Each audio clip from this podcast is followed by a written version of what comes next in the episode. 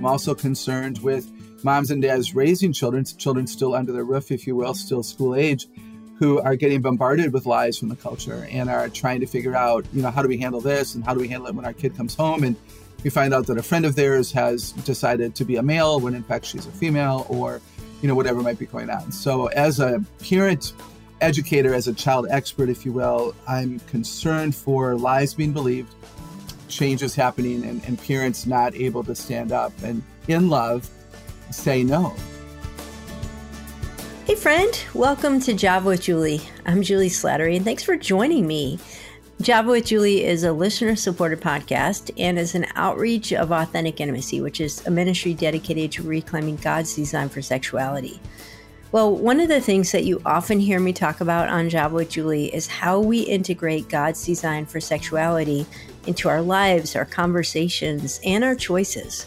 How we integrate our sexuality with who we are as God's children. And more than ever, it takes intentionality to have a view of sexuality that's grounded in truth and reflects God's design for intimacy. You know, each one of us needs to be sexually discipled, and parents, it's your job to sexually disciple your children. I know it's a difficult job and seems like it's getting harder every day. That's why I've invited Dr. Kathy Koch to be my guest today. Kathy was a guest on Java with Juli last fall, just a few months ago, and she helped us understand why helping our kids build resilience is such a key part of discipleship. And I'll drop a link to that show in our show notes. But what I want to talk with her about specifically today is how to talk with our kids about gender. How can we help them work through the messages that they're receiving from our culture, which, let's just face it, are very confusing? How do we give our kids positive messages and examples of God's beautiful design for male and female? And how can we be a safe place to help them process confusion and questions about what they're seeing, hearing, and feeling? Well, Kathy is the founder and president of Celebrate Kids Inc., which is an organization dedicated to helping parents and educators understand and meet the needs of today's children. She's also an international speaker and an author of several books, including Resilient Kids, Start with the Heart, and Screens and Teens. I know you're going to appreciate Kathy's experience and her practical wisdom for having conversations with your child about what it means today to be a boy or a girl. If your child is really struggling, we'll also link to some previous Java with Juli episodes specifically on gender dysphoria, just to help you better understand the complexities underneath that experience. For now, let's head to the coffee shop for my conversation with my friend, Dr. Kathy Koch. Well, Kathy, welcome back to Java with Juli, back by uh, popular demand. I really enjoyed the conversation that we had on this podcast several months ago. And I'm happy to be yeah, back. And you know, you and I, as we have interacted over the years, one thing that I've learned about you is that you have a, a real heart for the LGBT community. And I don't even know how that came up in conversation with us. But before we dive into today's topic, I just wonder where that heart came from, just why you feel like God has laid that on your heart. Yeah, it's a, a fair and a good question. I've always had a heart for disenfranchised people. I think I, I don't like when people are outcast, when people feel untrue things about themselves. And I've certainly seen that happen uh, for uh, men and women who identify in those categories. But the biggest heart really um, developed in the late 80s. I you might not know this, but I joined the board of directors for an HIV/AIDS ministry, mm. and this was in the late 80s. I was still a professor. I had not uh, started my ministry yet, but I uh, met the individuals who started the ministry. And because I have an earned PhD in reading, one of the things I can do is help people write for the reader.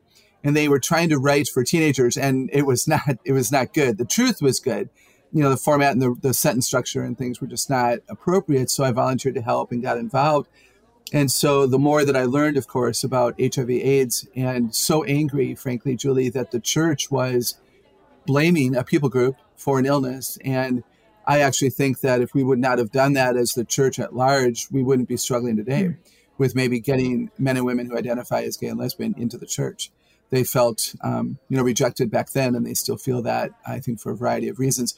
So that's really where I began to meet people and rub shoulders with people, and uh, you know, meet people who were really caring and considerate, and you know, did some research and the rest is kind of history. But that's back, in the 80s is when it started for me. Well, a lot has happened in the last 40 years with this conversation and with what's happening in our world today. So, how has your heart for uh, the LGBT community developed with just what's happened in our day and age? You know, now it's a common conversation I have with moms and dads, parents who doesn't really matter what I speak on at conventions or even in a church if we do a parenting conference. I don't even have to address the issue, but the issue will come up with questions. I do teach a lot about identity. Mm-hmm and who are we and the fact that identity controls behavior. So it's really important we don't live with a lie. So it will come up in those conversations. So my heart is for moms and dads and grandparents who are angry, confused, concerned, and don't know how to have healthy conversations with their grown children.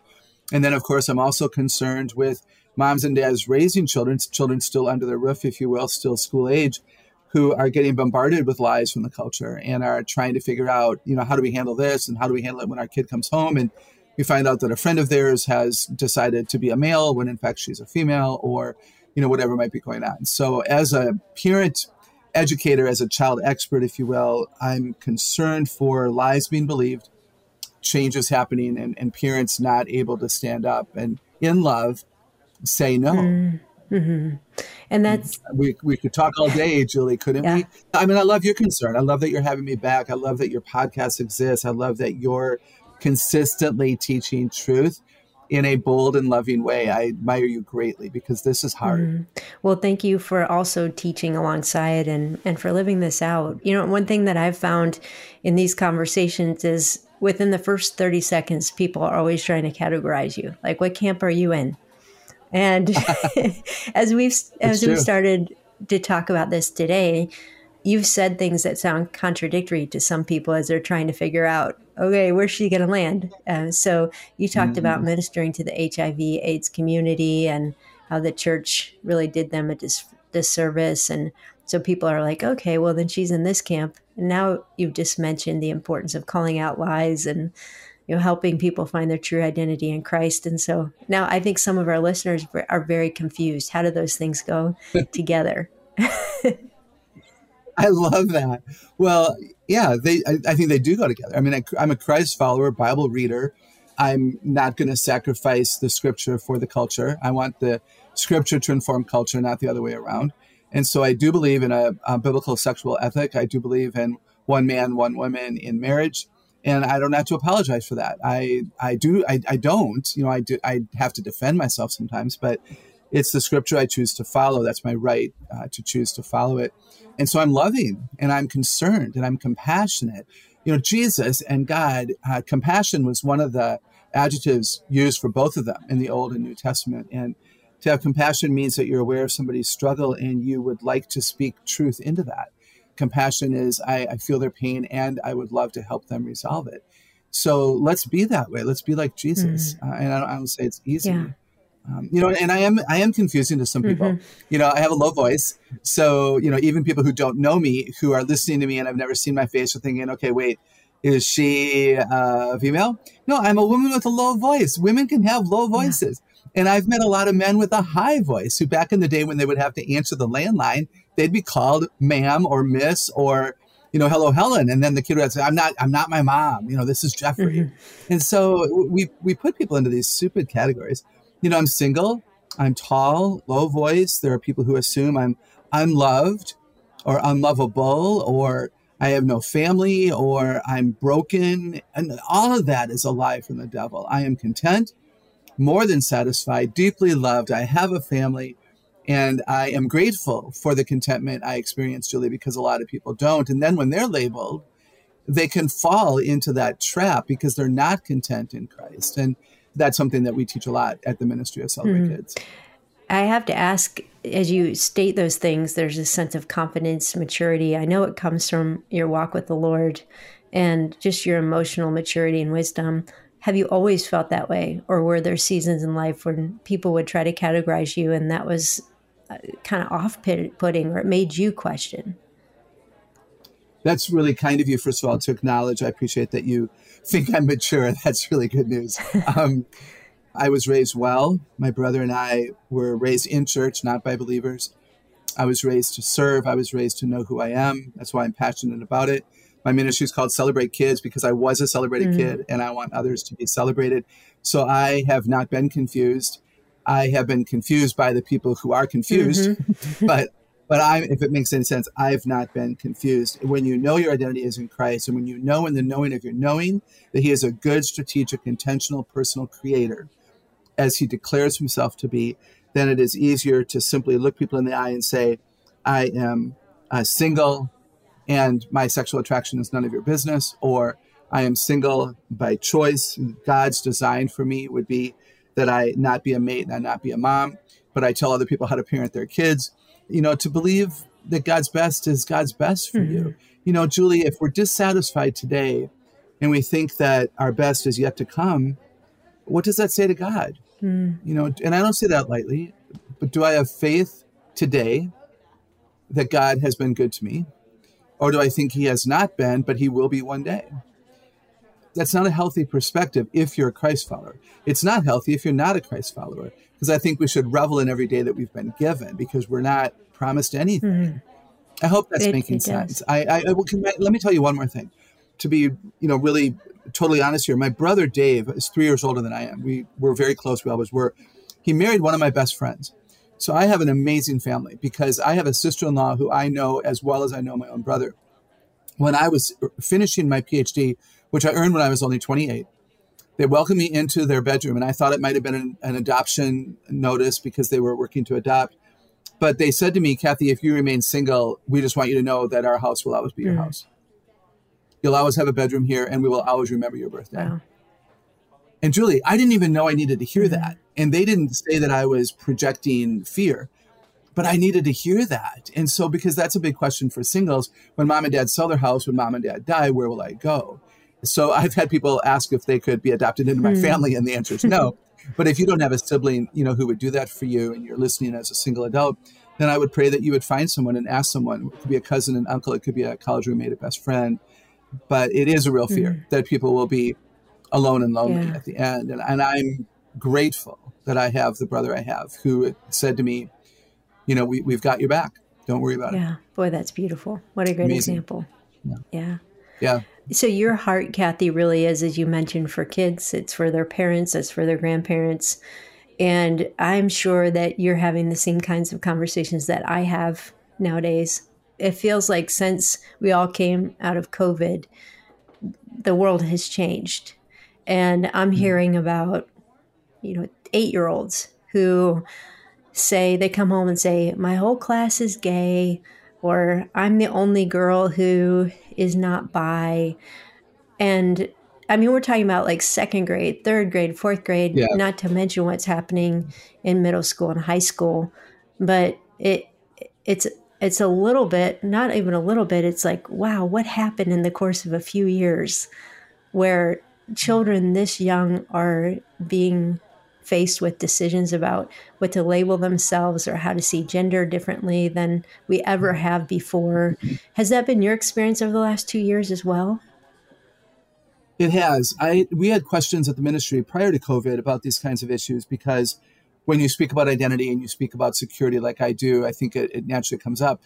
And yet, I would agree with you that it has been much more the topic, and my concern and really anger about the young children is is huge. It occupies much of my heart, and, it, and I need to pray and give it to God because otherwise I would be so overwhelmed. Mm. So, what has changed? Like, if we were to dissect over the last ten years, and particularly over the last few years, why has this so rapidly become the norm rather than the exception? That's such a fair question. There's a lot of places I could go, Juli. I would say media is a culprit here.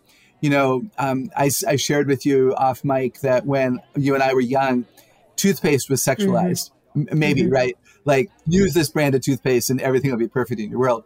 And then maybe a car, like, drive this make of car and you'll have the best date and the best life.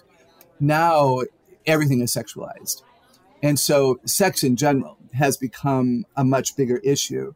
And then the popularity of the gay and lesbian issue and TV shows, you know, they're safe the first year. So a mom and dad say to a preteen and a teen, you can watch that, it's a good show, unknowingly to them. In the second show, they introduce a gay couple or a trans individual, and they they don't know that because mom and dad have said it's safe, and the kid is absorbed by that. So I think media is huge, technology is huge. If you don't do this now while you're listening, but if you go to Google or a search engine, go to the search engine you like, and choose to search for beauty, and go to pictures, not words. And every picture that'll come up on the screen is a person. Almost all of them are women. They're very thin. They're heavily makeup. They're tattooed in some cases. The point is, beauty comes in all forms and shapes. Your personality is beautiful. The cover of a book can be beautiful. Winning a sports championship is beautiful. Beautiful is the leaves changing colors. Beautiful is the first snowfall. But technology has defined beauty as a particular look. And kids figure that out. They kind of absorb that, if you will.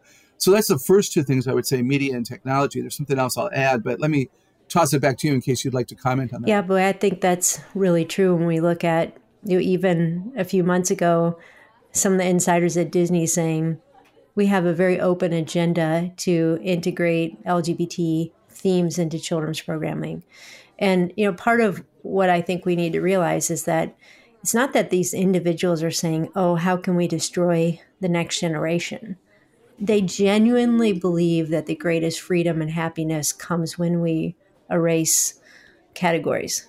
So when we re- mm. erase the category of male and female, or we erase categories of ethics and morality that govern our sexual behavior.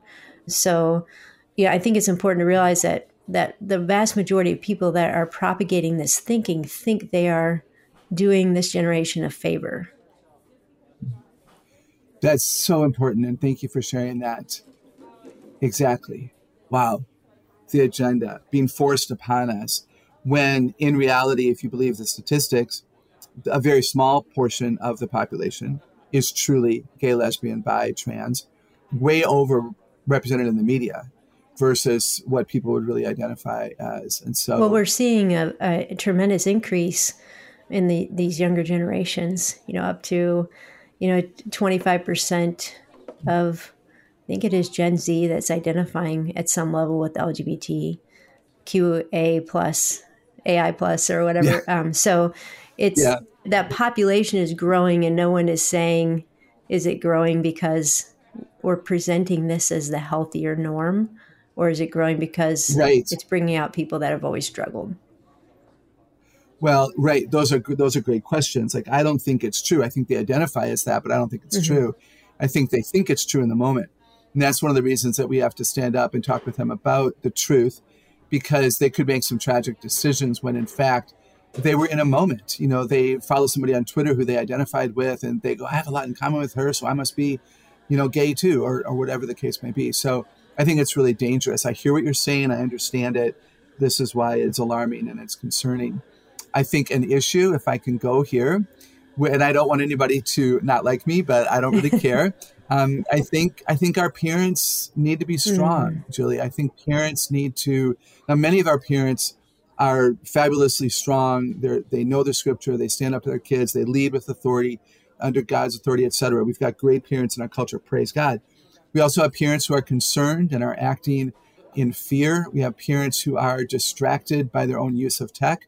We have parents who are overworked and they're you know not sleeping and, and eating well and they're dehydrated. And I'm, I'm not making this up. I mean it's a these are dangerous days. And so when a parent is fatigued and a parent is concerned and a parent had a person at work whose kid identified as this and it destroyed the family they're they're running scared mm-hmm. here.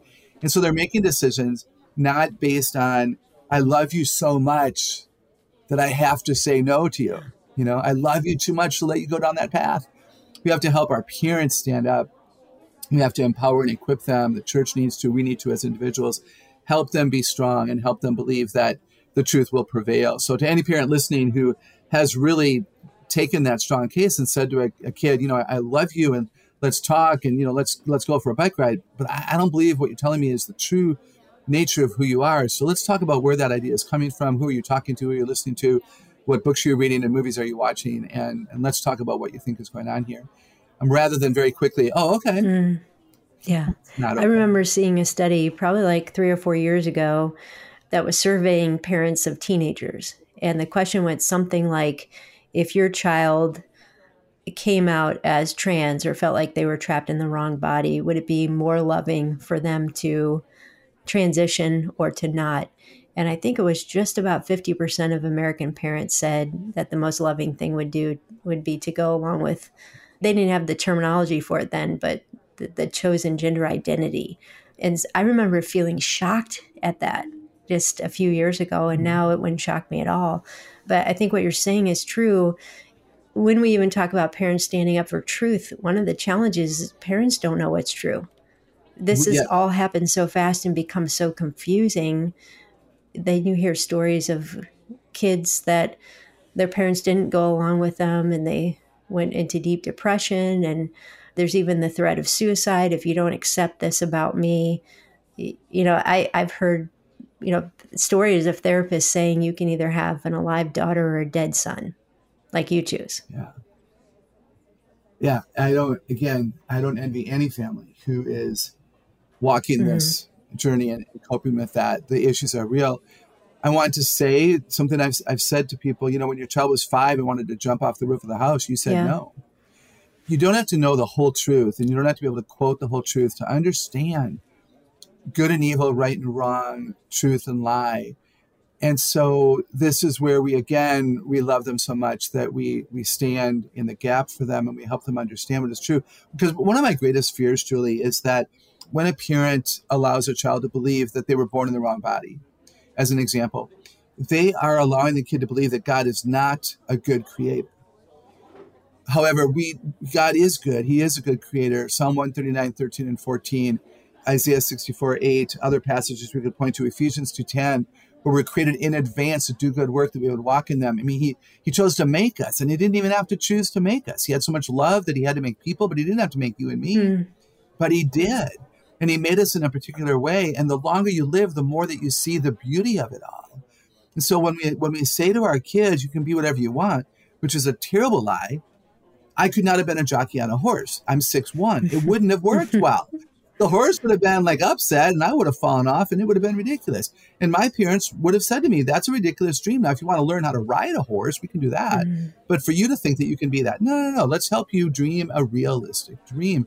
That's the role of a parent. And so, my fear again is if we allow these kids to believe these things about themselves, then not, anything about them is open mm-hmm. to change, right? And especially if you're raising kids to believe in the scripture and that God is good you're you're allowing them to think that he isn't and that can have a terrible ramification down the road in any yeah.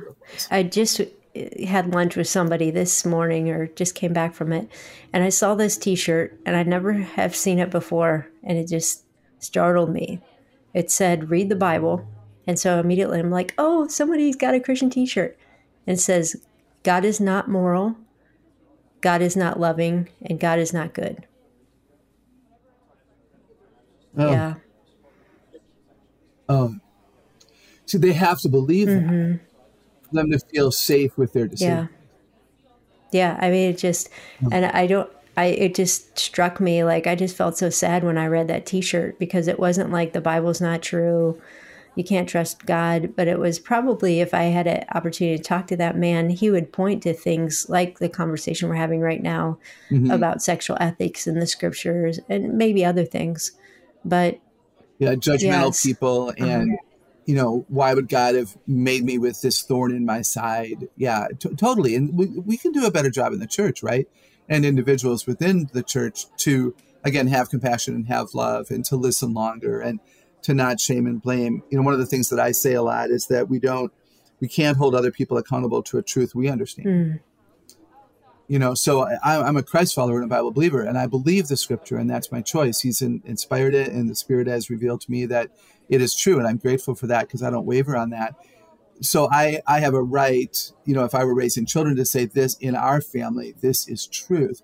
Our neighbors we love them because god calls us to love all people. We don't judge them for making the decisions they've made because they don't have the same standard we mm-hmm. have and so we, we have to be careful about that. And then we, we try to witness to them and we try to evangelize certainly as we can, because ultimately I would love them to be in heaven one day and not hell.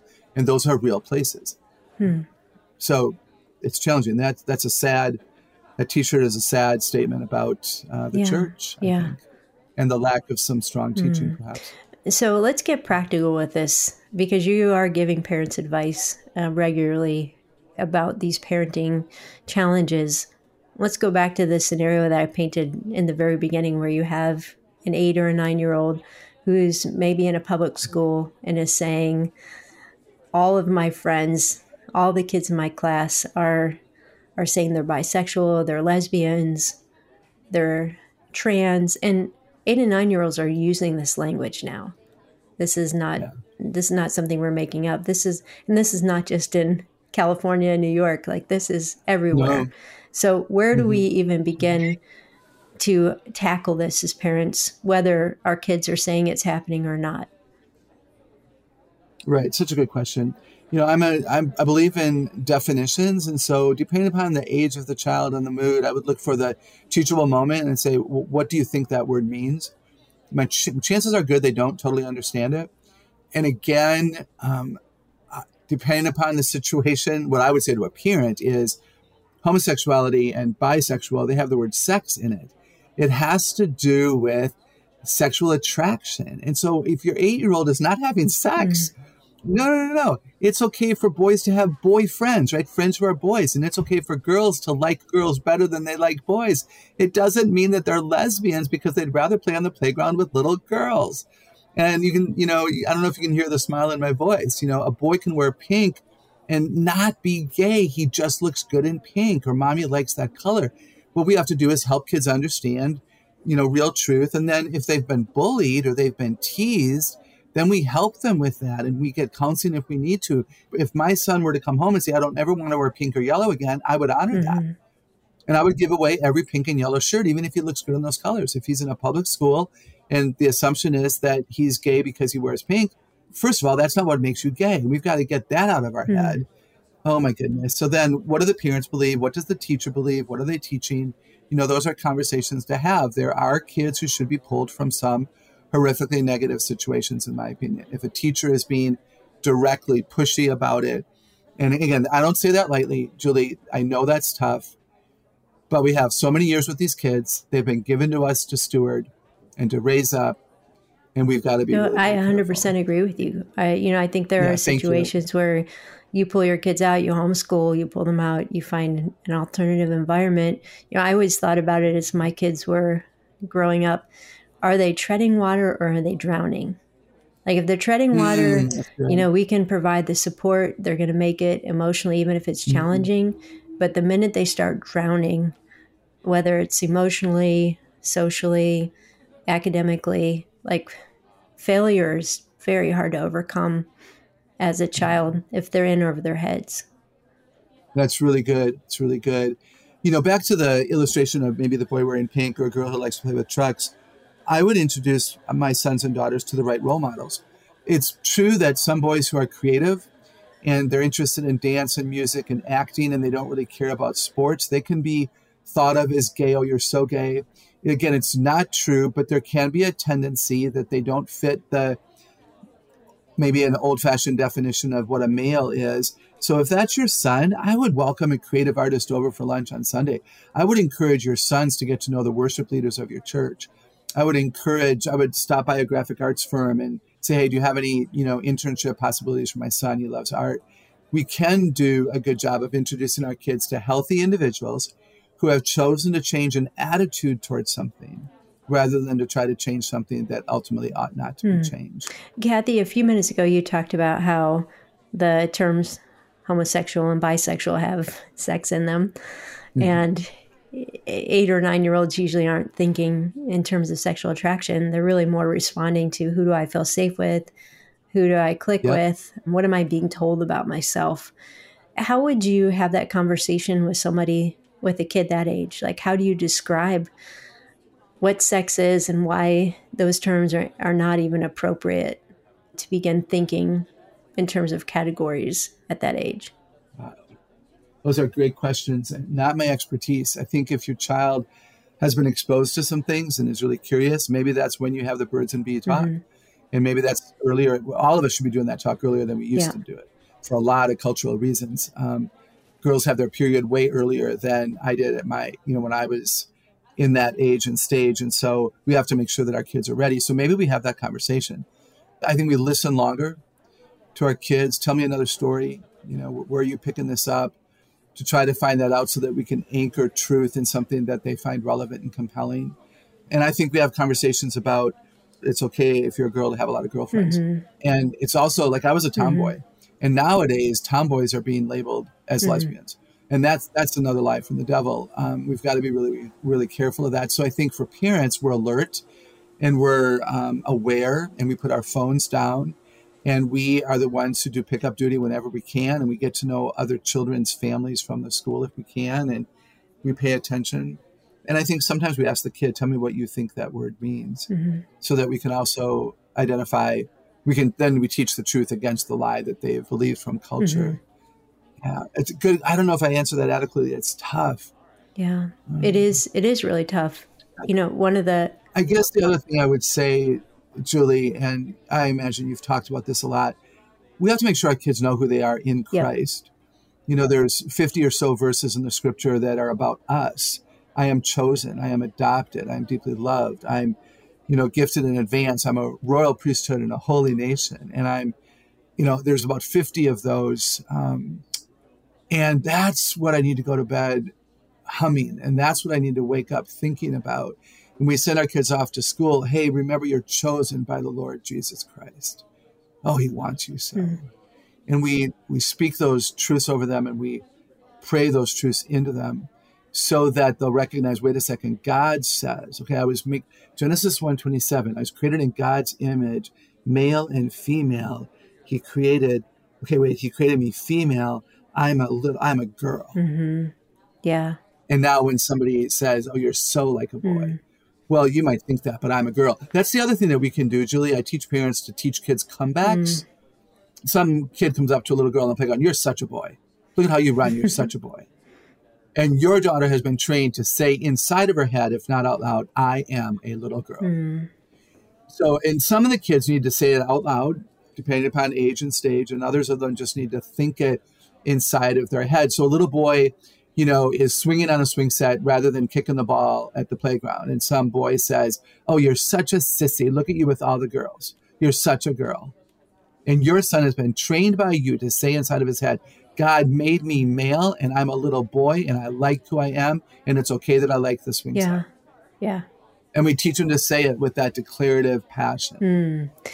And that they're all all different kinds of boys and they're all different kinds of girls. Like even as you're saying that, please, I like mean, you're this is part of your expertise. You yeah, yeah you're bringing me back to yeah. the memories I've had. Like I was a tomboy too. I was the girl that was always playing football and kickball with the boys and then as I grew up, like I can remember even 15 years ago, somebody telling me, You walk like a man. And I'm like, oh. walk like a man? Like, what does that mean? And so, like, made me totally self conscious of how I walk. But, but even as, say, at that point, like a 35 year old woman, wife, mom, like, it still shook me. Like, why do I walk like a man? And I, like, my husband and I will laugh because I'm a woman of few words. I'm logical. I'm not emotional. I'm a five on the Enneagram. Like, you know, I'm not a typical woman. And there were many years where it was like, am I okay with that? And I just think about if I were being raised in today's culture, how much more the enemy would have had access to tell me lies you know? And we talk about those words like homosexual bisexual like the word sex is in them but really we're talking about identity. We um, are. the lie is about identity. Who are you? What's the most important thing about you? Is there the freedom to be who god created you even if you don't fit in some box amen like even for you to use the typical like i'm not a typical woman like i know what you said that but are there typical women right um, They're stereotypical. You know, it, that's a that's a good word. Like I'm not emotional either. I don't cry well. Here's what I say to teenagers. I just spoke to hundreds of Christian students from uh, Christian schools from around the nation. They were the leadership honor students. And I shared um, a bit of my story. I'm, I'm a too tall chatty Cathy with a low voice who can't spell all that well. And look what I'm doing. And what are you going to do one day? And I talked about my voice and the fact that I'm, it does. I don't need a microphone because low voices carry further in a room. Um, I've been to 30 countries without sound systems. It doesn't matter. I've been told by the best of the best I have a perfect radio voice. God knew what he was doing when he chose in his love to make me me. And I know that in my knowing. And so when I'm called sir, I don't, I'm not offended. Like I, I have a low voice. Don't live in denial. I know I have a low voice, but I just say, no, I'm not, I'm not, no, don't be embarrassed. I have mm-hmm. a low mm-hmm. voice. I understand. I thought that. And I've had both guys and girls tell me, Kathy, you're so easy to listen to. I just love your voice. And I say to them that Psalm 139, verse 14, so David writes in 13 and 14 that we're knit together, we're wonderfully made. And then it ends with, my soul knows it very well. Mm. Juli, the day that I woke up and my soul knew very well that my voice was my voice, therefore it is right, everything changed mm. And now when I'm called, like I'll go to a drive through restaurant, they'll say that'll be 42 at the window, mm-hmm. sir. I'm not offended. Yeah. I know in my soul that God is good, a good creator, intentional, and strategic. And I said to the young people, if I was your age, being called sir, I might wonder if my voice was right and everything else was Ooh, wrong. Wow. I get it. I have tremendous empathy. And then that's when I say you change your attitude toward the things that you cannot change. Mm. And that's called maturity. Juli, that's called you grow up. You change your attitude toward the things. So men who are petite, like I I'm six one. I tower over some men and it can be uncomfortable. But who wrote the who said all men are tall and all women are short? That's not in the yeah. Bible. Oh good heavens. So I could go on and on. We need to make sure that we are comfortable within our own skin. So our kids know mm-hmm. that. So that they're secure with us. And then we help them. We help them. Wow, I'm so sad you feel that way. I love that you're a little mm. girl. Let's talk about it. We find a way to feel their pain kids tell me all the time, you know, if my mommy and my teacher, if they don't feel my pain, I don't care what they think. Um, so let them know that you're sad for them, you're concerned for them. Angry is not a strategy, but being concerned and, and being loving in the moment and hey, you know, let's talk. Yeah. And then make that happen. You gotta take time to make that mm. I hope this is yeah, helpful. it I, is. I you know, you talked earlier yeah. about knowing our identity from the scripture and yeah. you know this developmentally that for kids, the scripture and what God thinks of them is hard to connect with reality because they don't have that abstract thinking ability yet. And so we, in many ways, as parents, become the embodiment of what that's meant to look like. And so, even Kathy, as you described your family growing up, they implanted in you a celebration of you, a healthy identity in you, that then when you were old enough and able, you could connect that to this is how God sees me. And so I, I think what you're saying is so critical that our voice to our children about our love for them, their identity, delighting in them, like that someday will be the script of being able to connect how God feels about them. That's so beautifully stated. And if I could share something else related to that that I think is key, is that we find our children's strengths and we call those out of our children and we acknowledge those. And Juli, um, many of our strengths get us into trouble. Yeah. So, as right as an example, as a chatty Cathy, you know, I would talk over everyone, and I can gossip, tease, name call, and demand the last word very easily, or not because I'm a Christian, so I'm going to be a good little girl, you know. But my parents chose to see all the words in me as a strength to develop, not a problem to eliminate. Mm. A lot of wordy children, a lot of chatty Cathys, if you will, are raised, be quiet, be quiet, be quiet. Would you just shut up and go find something to do? I wouldn't be on the show with you today if I would have been raised that way. When I was about 10, they enrolled me in children's theater and they said, go talk there a while. Mm. and that's where I learned to be on a stage and project and use my voice and my facial expressions well. My grandfather was mayor of my city. I sat in the front row with the little corsage with my brother and my four cousins. And it was Grandpa who said, use all those words in you only for good and never for evil, always to help and never to hurt. Mm. You have a huge responsibility, young lady. We have got to raise our children to know who they are. Gender is, I don't think about gender. Like when I was a little kid, I didn't wake up and go, oh, I'm a girl. it ought not be this billboard topic. One of my fears is that parents will think so much about that that they'll not think about the other things that a child needs them to talk with them about. So, what are your child's strengths, gifts, passions, and interests? and have you helped them identify those and celebrate those through purpose, which is we're all created on purpose. So find a way for them to begin to give back with the talents they have. Because when we give back, when we serve, when we're purposeful, oh, it all makes sense. Like when I see that my low voice makes it easier for people to hear me, it's a beautiful reality. Mm-hmm. It's why mm-hmm. my grandfather could hear me near the end of his life, but nobody mm-hmm. else. Mm-hmm. Yeah. yeah. Right? So help your kids know all about who they are so they have much to rely mm-hmm. upon, mm-hmm. which gives them a greater security in God's creative intent if they think about it that way. Mm. Yeah, we're we're more than our gender, although it's Amen. an aspect of who we are. A lot of what we've been talking about relates to kind of the normal parenting spectrum of what parents are facing, what kids are, are facing. And you and I referenced even a few minutes ago that the actual percentage of people that struggle with like true LGBT sexual attraction issues or gender identity issues is, is fairly small. But there are people from the earliest ages of memories would say, I always felt like I was a boy or I always felt like I was drawn to women instead of men.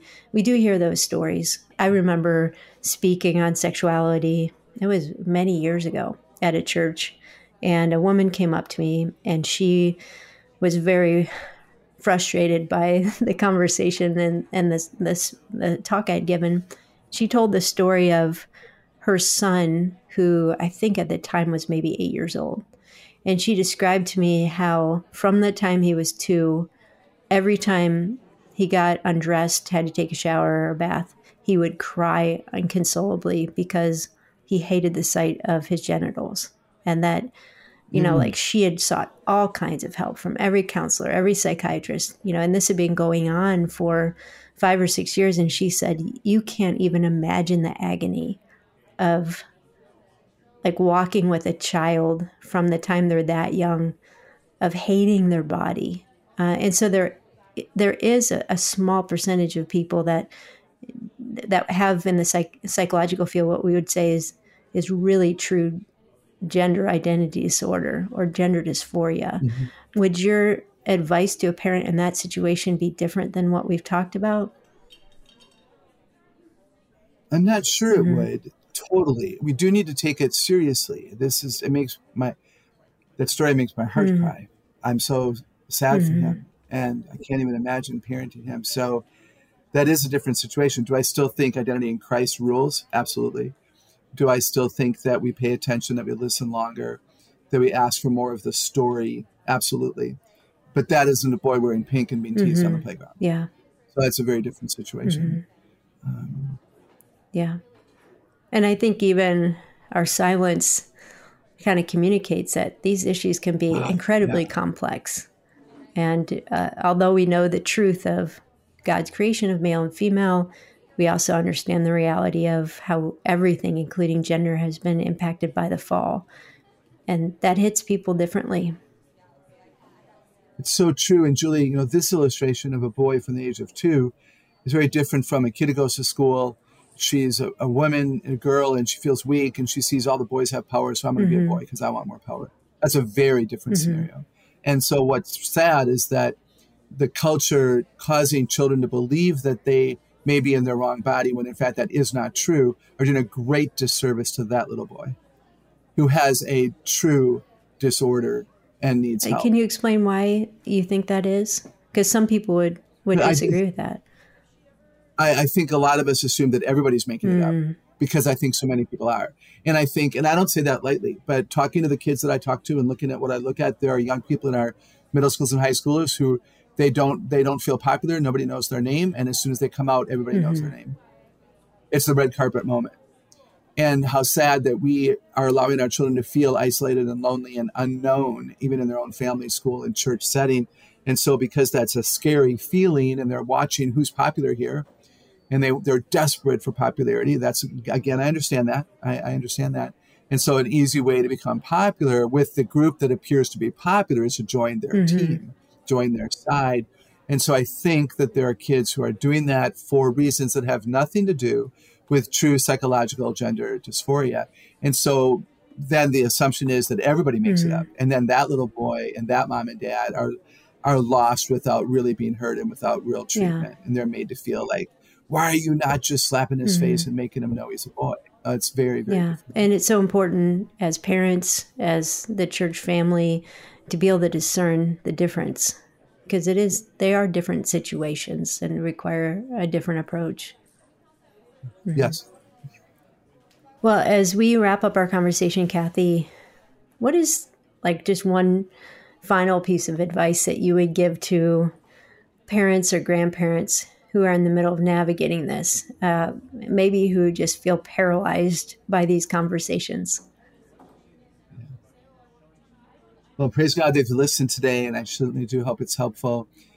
What if I suggested that they pray mm-hmm.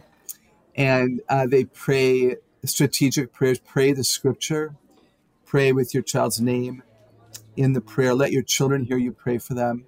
Pray for peace and contentment, joy, grace, mercy, and truth. Pray that God would inspire you for the journey that He has you on, that He would connect you to the people that would be a benefit to you and your family.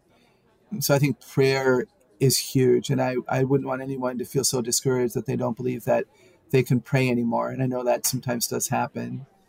Make sure you're reading the scripture. I mean, I think that that's where we get our strength and our energy and our passion. Um, believe in the believing of your believing that your child is the right child for you to have, whether that be adopted, foster, or birth. You know, we're all imperfect, Juli, but we're imperfectly perfect for the family we have because if not, God wouldn't have given us those kids. Mm. It's all mm. ordained by God. So knowing that maybe gives people some hope and hmm. comfort. Mm. Don't be afraid to reach out and get help. Yeah. When you're overwhelmed. And then I'd love to end right where we started too. What would be your word to the family of God as you look back on the ways the church mishandled the 80s around AIDS? Yeah. What are we going to look back on in today's day and say, wow, like we really mishandled that? I'm going to say something really bold, and that is that the gay and lesbian they can't really hide in the church. If two men come in holding hands, two women sit together in church and put their arms on each other's shoulders or or make some type of a physical display of attraction, you can't hide that. And so they out themselves, and then we point and you know what are you doing here? Which I would rather say, boy, great, you're here but one of the problems that we have and that they feel regularly is that there is heterosexual sexual sin going on around us. I'm quite confident there are men and women in our churches who the night before were looking at porn or in an inappropriate relationship, but nobody knows it. And and I'm not saying they need to all out themselves, but the point is that there's all types of sexual sin. And when we don't talk about heterosexual sexual sin from the pulpit, and in our life groups and in our family conversations of accountability, then people who are struggling with same sex attraction and people who are walking in that journey feel very much the outcast. And then they'll say to us, Why is this the greatest sin? Hmm. And it's mm-hmm. not. God says he hates pride. Whoa, that'll mm-hmm. preach. There are some sins have greater consequences than others, but there's not a hierarchy in the scripture. And so I think that the saved person in the pew needs to be very careful. Um, and we need to love better. We need to be welcoming and strategic in that. And I don't say it's easy, but boy, I would love to see that happen. Well, I'm grateful for Kathy and the calling that God has put on her life to help parents, not just by giving them evidence based research and practical tools, but really by giving them hope We'll put a link to Kathy's website, Celebrate Kids, in our show notes so that you can check out some of her books, and I highly recommend that you do that. Although I've leaned on her here to help us build stronger relationships with our kids, Kathy's specialty is actually in learning styles. I'll also link to Kathy's great book on helping your kids be resilient, which is another key part of sexually discipling your kids. And don't forget to check out some of the Java episodes I've mentioned on gender dysphoria, as well as a blog I wrote called Parenting Through Weakness. You can find all of that in our show notes or at authenticintimacy.com. Thanks for listening, and I look forward to having coffee with you next time on Java with Juli.